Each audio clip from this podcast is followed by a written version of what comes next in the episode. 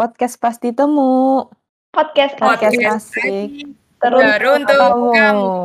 Yeay. Yeay. Kembali lagi ke podcast Pasti Temu pada episode 2 kali ini. Kenalin, aku Salsa dari Teknik Lingkungan Angkatan 19. Nah, kali ini kita dalam memperingati Hari Lingkungan Hidup Sedunia, eh, kami ingin membahas tentang inovasi lingkungan di Indonesia. Jadi pada kali ini kita kedatangan teman nih dari KPPL. Oke Mbak, bisa perkenalan? Ya, ayo silakan Mbak Karisa mungkin. Aku dulu. Aku dulu nih. Iya, Ya boleh. Oke, oke, oke. Eh, nama aku Karisa Putri. Eh, aku dari angkatan 2018. Aku juga dari KPPL.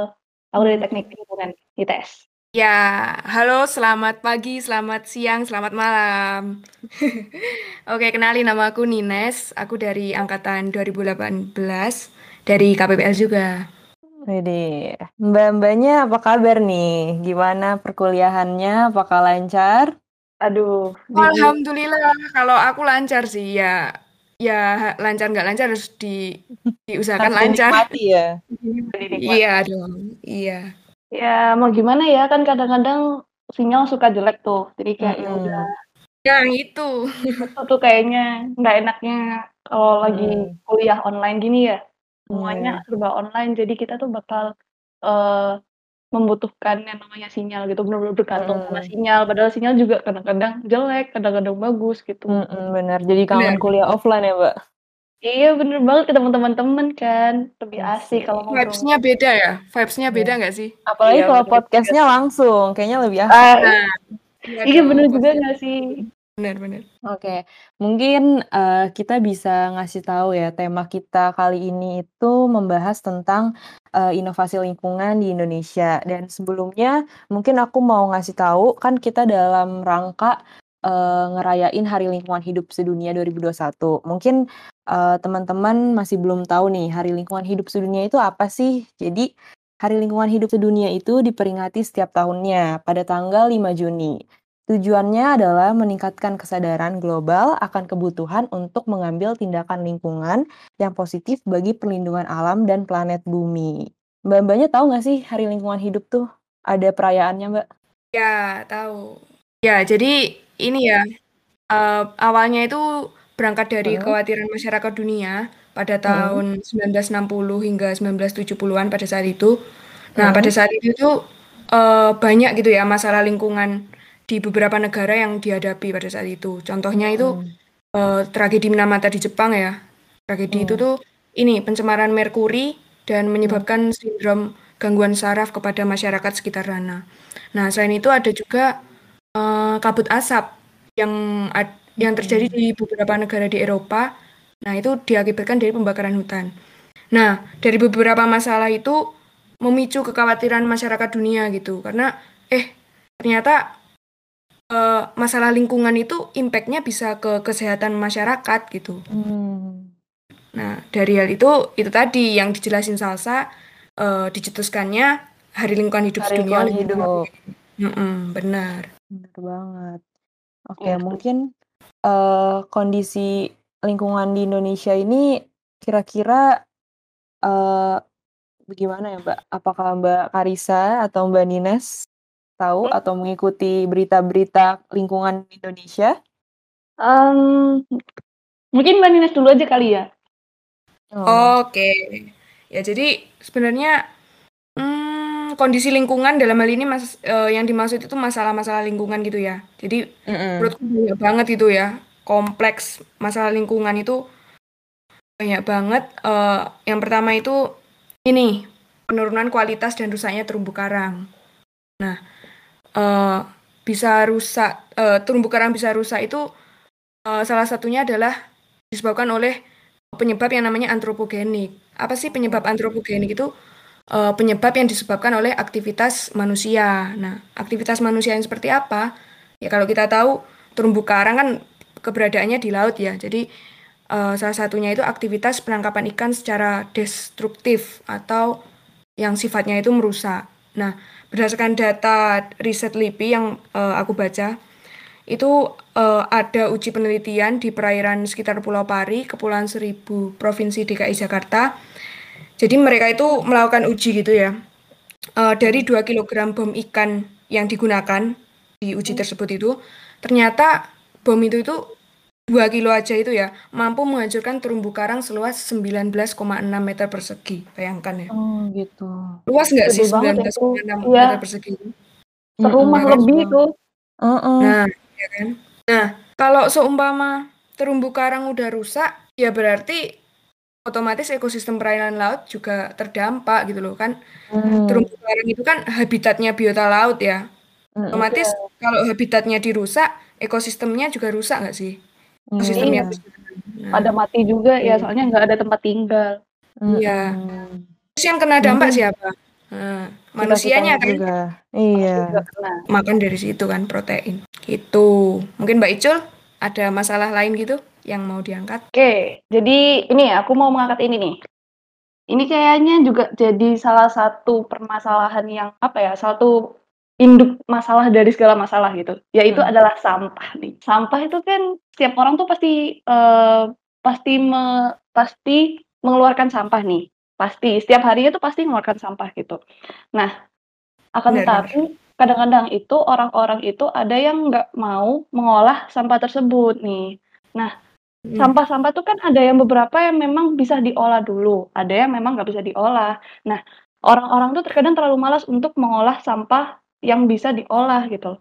Misalnya seperti plastik atau mungkin hmm. kaca atau apa gitu. Mereka langsung buang saja ke TPA gitu. Otomatis sampahnya itu jadi menggunung. Bahkan sampah itu terkadang tuh orang-orang juga membuang sampah ke laut. Nah, itu juga bisa balik lagi nih ke yang dibilang sama nah, tadi iya, itu juga hmm. berpengaruh nih ke, ke terumbu karang kayak gitu sih. Menurutku sampah itu memang banyak juga nih permasalahannya. Terus juga sampah bisa mengakibatkan banjir. Ya gak sih? Nah, kalau misalnya yeah, sampahnya bener. juga dibuang sembarangan, terus bisa menutup uh, di saluran selokan biasanya, itu juga bisa menyebabkan banjir kan kalau misalnya kita uh, hujan, terus akhirnya airnya nggak ada tempat untuk meng untuk itu mengalir, akhirnya hmm. banjir gitu. Kayaknya hmm. memang sampah itu induk dari semua permasalahan lingkungan deh kayaknya. Iya, benar banget. Benar-benar. Hmm. Ya, mungkin aku mau nambahin juga jadi, uh, selain itu juga ada masalah polusi unda udara di Indonesia. Itu juga yang paling, apa ya, berdampak untuk kesehatan masyarakat iya. Indonesia gitu. Iya, Apalagi, uh, di Indonesia ini, apa ya, orang-orang kan banyak menggunakan kendaraan ya, dari mobil, motor, bus, atau kendaraan lainnya gitu. Terus juga dari asap-asap yang kita keluarkan dari membakar sampah, itu kan juga. Iya, industri dari, uh, namanya tuh, apa sih, pabrik ya? Ya dari Iya, pabrik. Iya, pabrik. Terus jadi berakibatnya tuh, uh, ke penyakit masyarakat-masyarakat Indonesia, contohnya kayak gangguan paru, penyakit jantung, stroke, atau kanker paru-paru dan lain-lainnya gitu. Oh iya, benar juga, benar-benar tuh. Benar itu uh, mau nambahin dikit sih kayaknya, -hmm. terus juga ini nih, uh, kayaknya beberapa kendaraan tuh juga ada yang memang sudah melewati batas waktu gitu nggak sih? Maksudnya yeah. kayak, uh, mereka tuh saking kendaraannya sudah tua itu otomatis kenda -hmm. uh, apa namanya, filter yang dikeluarkan dari asap dari kendaraan -hmm. itu, -hmm. uh, jadi nggak udah nggak bagus lagi gitu. Udah nggak bagus lagi ya? Iya. Iya, jadi kan otomatis yeah, kan, uh, semakin menambah polusi udara nih. -hmm. Jadi polusi udaranya bener yang awalnya sudah yeah kena dari mobil-mobil banyak orang, terus apalagi ketambahan mobil-mobil yang sudah tua gitu, otomatis filter dari mereka itu juga nggak bagus mobil-mobil yang baru. Jadi nambah ini ya konsentrasi konsentrasi gas rumah kaca kan? Iya iya, uh, itu tuh polusi dari kendaraan itu. Gas rumah kaca konsentrasinya bertambah, otomatis pemanasan global juga bisa meningkat gitu. Wah ini kompleks gak sih kayaknya? Iya bener memang. Jadi banyak banget ya? Suhu juga jadi naik kan. Iya. Banyak banget nih permasalahan kondisi lingkungan di Indonesia gitu. jadi dari kondisi lingkungan tersebut pasti kan ada solusinya ya Mbak. Jadi uh, mungkin uh, di Indonesia ini tuh uh, mulai apa ya? Mulai menerapkan gitu beberapa inovasi lingkungan dan kelihatannya keren-keren banget gitu. Apalagi inovasi lingkungan itu kekinian juga loh Mbak. Iya, Jadi, benar benar iya. iya. Heeh, jadi kita, apa namanya, anak-anak muda nih milenial, Iya, pasti benar. seneng banget kalau udah ada inovasi-inovasi tersebut. Mungkin aku bisa Nah. menyebutkan inovasi-inovasinya ya. Boleh. Jadi, eee, yang pertama itu, eee, aku ini sih, aku tertarik banget sama supermarket yang jual bahan pokok tanpa menyediakan plastik. Jadi, eee, artinya dia bener-bener, eee, plastik free gitu, semuanya dari bahan-bahan mereka yang mereka jual, sama dari packaging-nya itu juga tidak menggunakan plastik. Oh. Iya, jadi keren Keren. banget pastinya. Juga, eee eee, jadi tuh namanya aku se eee, sering lihat di Jakarta, namanya itu thebookstore.co, kalian juga bisa cek IG-nya, terus ada juga Saruga Indonesia. Dan itu tuh keren banget, dia, eee, apa ya, jadi di supermarketnya itu semuanya pakai botol-botol jar gitu loh, Mbak. Jadinya dia tidak Oh. menggunakan plastik sama sekali gitu. Misalnya Oh, kayak iya. gula, dia jual dia jual kiloan, terus nanti kita bawa, eee, jar kita, gitu toples ya? kita iya, bawa toples kita dari rumah, nanti kita bisa isi ulang di sana. Terus nanti, eee, bayarnya per kilo gitu, kita hitung nih kita berapa gram, berapa kilo gitu. Kan Oh, enak kekinian ya banget kayak ya? gitu. Iya bener sih kalau misalnya bawa barang Iya, sendiri kan otomatis kan kita bisa mengurangi nih yang namanya sampah plastik kan ya. Iya, heeh. Iya, melatih melatih masyarakat ini nggak sih, gaya hidup minim sampah kan? Iya Iya. benar, gaya hidup mini eco Mhm. lifestyle lah ya. Iya Iya, bener eco juga. lifestyle. Nah, Benar benar. Ak aku mau nambahin juga nih, kayaknya ada Mhm. yang, eee, apa namanya, ada satu, eee, sa eee, apa ya, kayak dia itu sama gitu loh sama yang kamu bilangin tadi, eee, Oh, sama iya. Saruga Indonesia sama the Mhm. thebookstore.co tadi, itu ada Mhm. yang namanya aplikasi tuh yang namanya Siklus gitu, kalau nggak salah. Dia Oh. siklus refill, jadi dia itu juga dia itu aplikasi gitu, jadi kita itu harus, eee, download dulu aplikasinya di App Store atau di Play Store gitu kan. Mhm. Nah, itu tuh kita itu bisa menghubungi petugasnya untuk datang gitu, dan mereka Oh itu iya, membawa membawa seperti kayak, eee, ya udah kalau misalnya kita mau beli sampo, ya kita bisa membawa, eee, botol botol wadah kita untuk untuk diisi sampo itu nanti, atau sabun, Mhm. atau apa namanya, buat buat buat cuci baju itu apa? Deter deterjen. Iya, Deterjen. deterjen cair Oh, juga. jadi Nah, itu online ya, Mbak, sistemnya? iya bener, dia Iya. itu online, jadi kayak kita bisa memanggil orangnya gitu biar datang ke rumah, katanya sih Mmm. free ongkir ya, katanya sih free Oh, ongkir. hebat banget dong. Iya, terus katanya kalau misalnya memang kita memang lagi nggak ada wadahnya, mungkin entah mungkin wadahnya sudah rusak atau sudah bagaimana, itu Mhm. Dari dari pihak Siklusnya itu menyediakan yang namanya wadah gitu, jadi kita nggak perlu lagi bingung gitu. Mmm. Dan juga wadah tadi itu juga bisa diwi eee, digunakan lagi gitu nantinya, seperti itu. Kalau boleh tahu ini udah di udah ada di kota-kota mana aja, Mbak, gitu? Apa Jakarta doang atau di kota mana? Setahu aku sih, apa ya, tadi aku kan masih lihatnya di Instagram ya, kayaknya masih di Mhm. daerah Ja Jabodetabek deh kayaknya sih ya. Mmm. Iya, Jabodetabek, Semoga iya. bisa ke daerah-daerah Iya, luas semoga lainnya bisa ya. seluruh Iya, Indonesia ya. kayaknya biar bisa biar bisa Iya. seluruh Indonesia gitu Kita bisa kan. merasakan manfaatnya. Iya, benar. Yoi. Apa mungkin kita buka bisnis kayak gitu, Rek? Wah. Boleh banget. Lumayan sih Lumayan. Semoga juga ada di Surabaya yang pastinya. Iya. Oh iya bener juga, awalnya kalau misalnya kalau misalnya kayak gitu kan biasanya bisa lebih murah gitu nggak sih? Soalnya kan Iya. kita nggak ada lagi biaya Mhm. untuk wadah gitu Heeh kan, karena heeh. kita kan ada wadah sendiri, otomatis kan harganya lebih murah, ya sangat terjangkau lah ya untuk Iya. kita anak kos gitu kan, Bener, anak kuliahan bener kan banget. butuh yang murah-murah gitu. Mhm. Mungkin Mbak Nines ada tambahan inovasi yang Mbak tahu gitu atau Mbak pernah coba? Kalau aku setahuku ini sih ada, eee, daur ulang baju ya, upaya Mmm. daur ulang baju udah nggak kepakai gitu dan, eee, bisa dijual atau bisa ditukarkan. Kalau teman-teman tahu itu Oh, tukar gitu. baju, punyanya, eee, yang tukar baju tuh salah satu ini usaha, eee, bukan usaha sih, ya kayak, eee, kampanye sekaligus usaha juga sih yang dilakuin dilakuin sama Zero Waste. Kalau teman-teman tahu IG-nya Zero Waste, eee, Zero Waste itu juga ada tukar baju gitu. Nah, tukar baju Oh. itu, eee, salah satu upaya yang dilakuin Zero Waste buat mengkampanyekan untuk mengurangi sampah tekstil kayak gitu. Jadi. Sistemnya nanti tuh uh, kita nukerin baju yang kita punya yang pastinya yang layak pakai gitu dengan punyanya orang lain gitu. Aku juga pernah lihat sih Mbak, jadi ada brand namanya Sejauh Mata Memandang.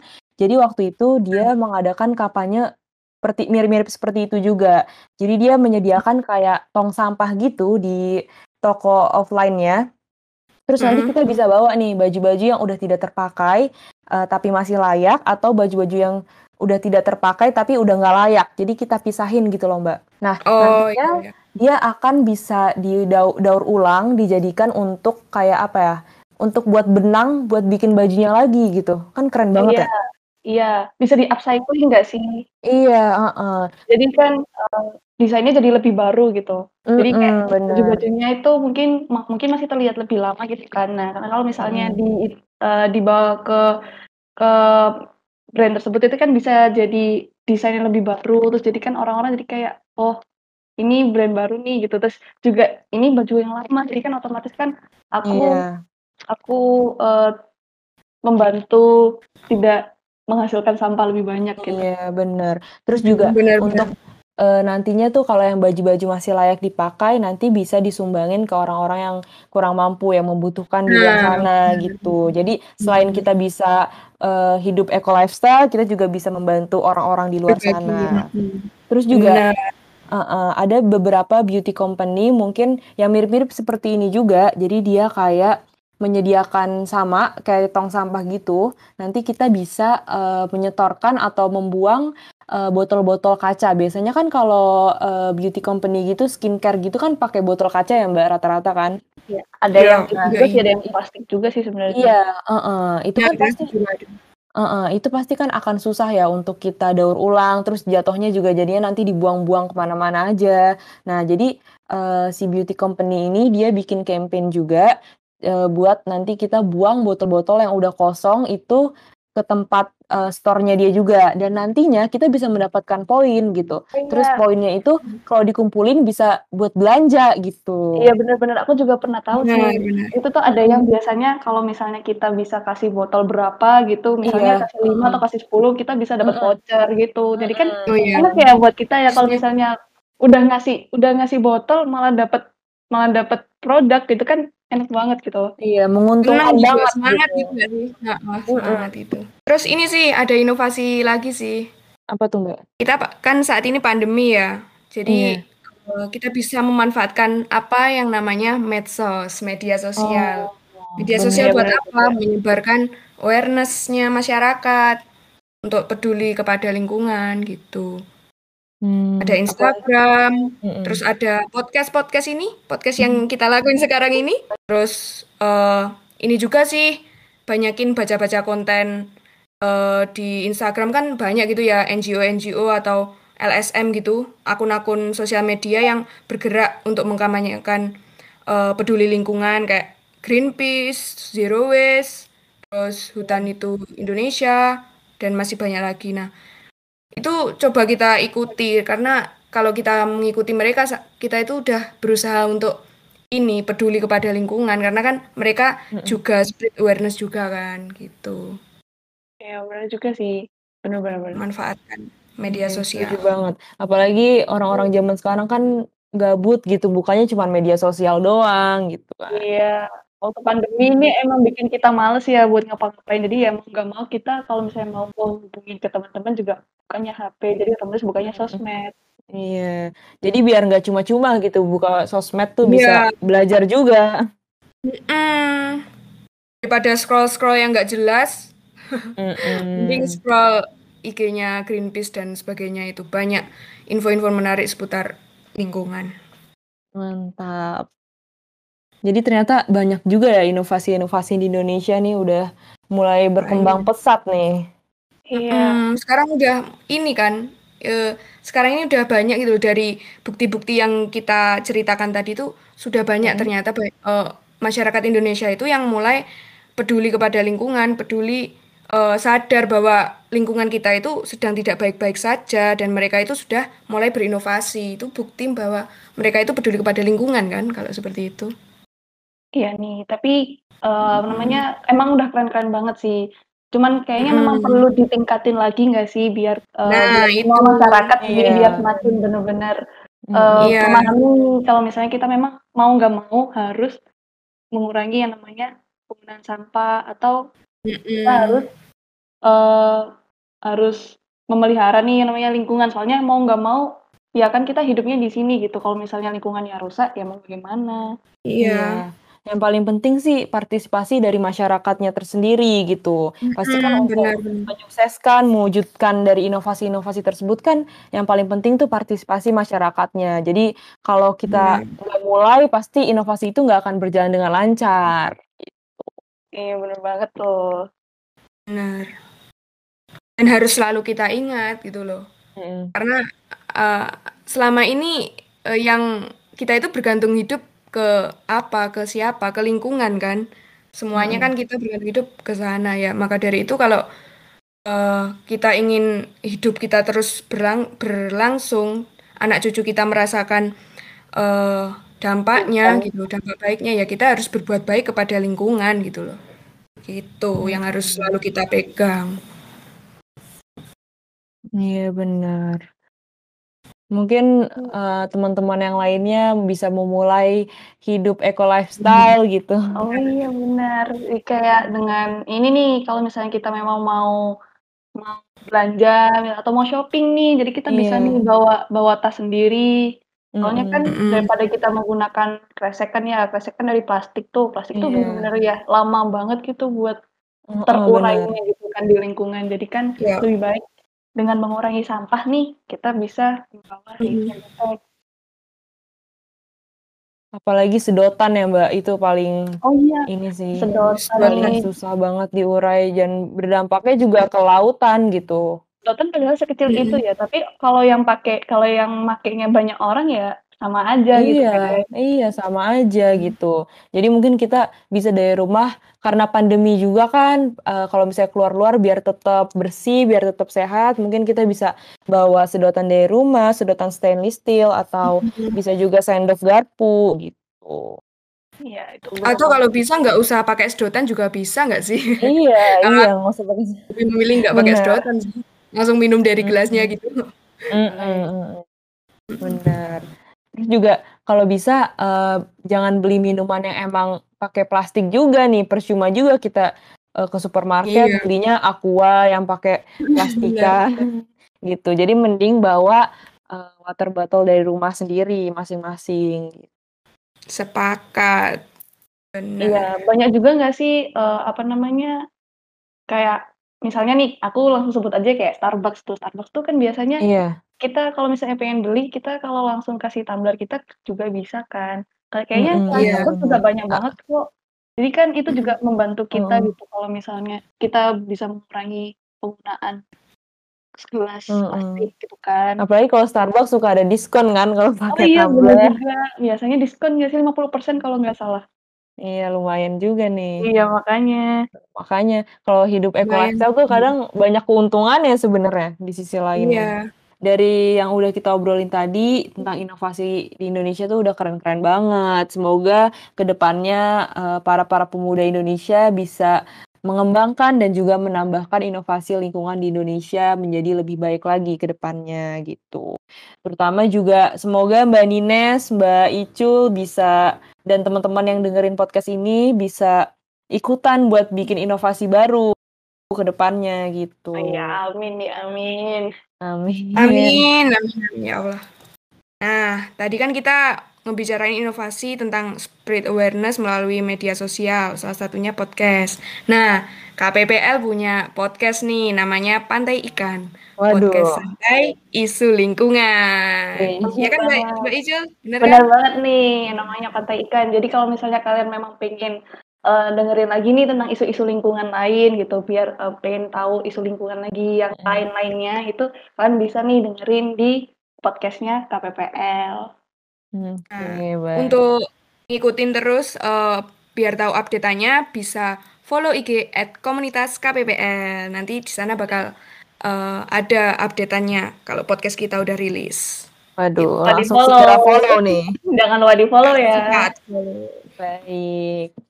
Oke, jadi uh, dari hal-hal yang kita obrolin tadi, ini inovasi lingkungan di Indonesia ini udah keren banget.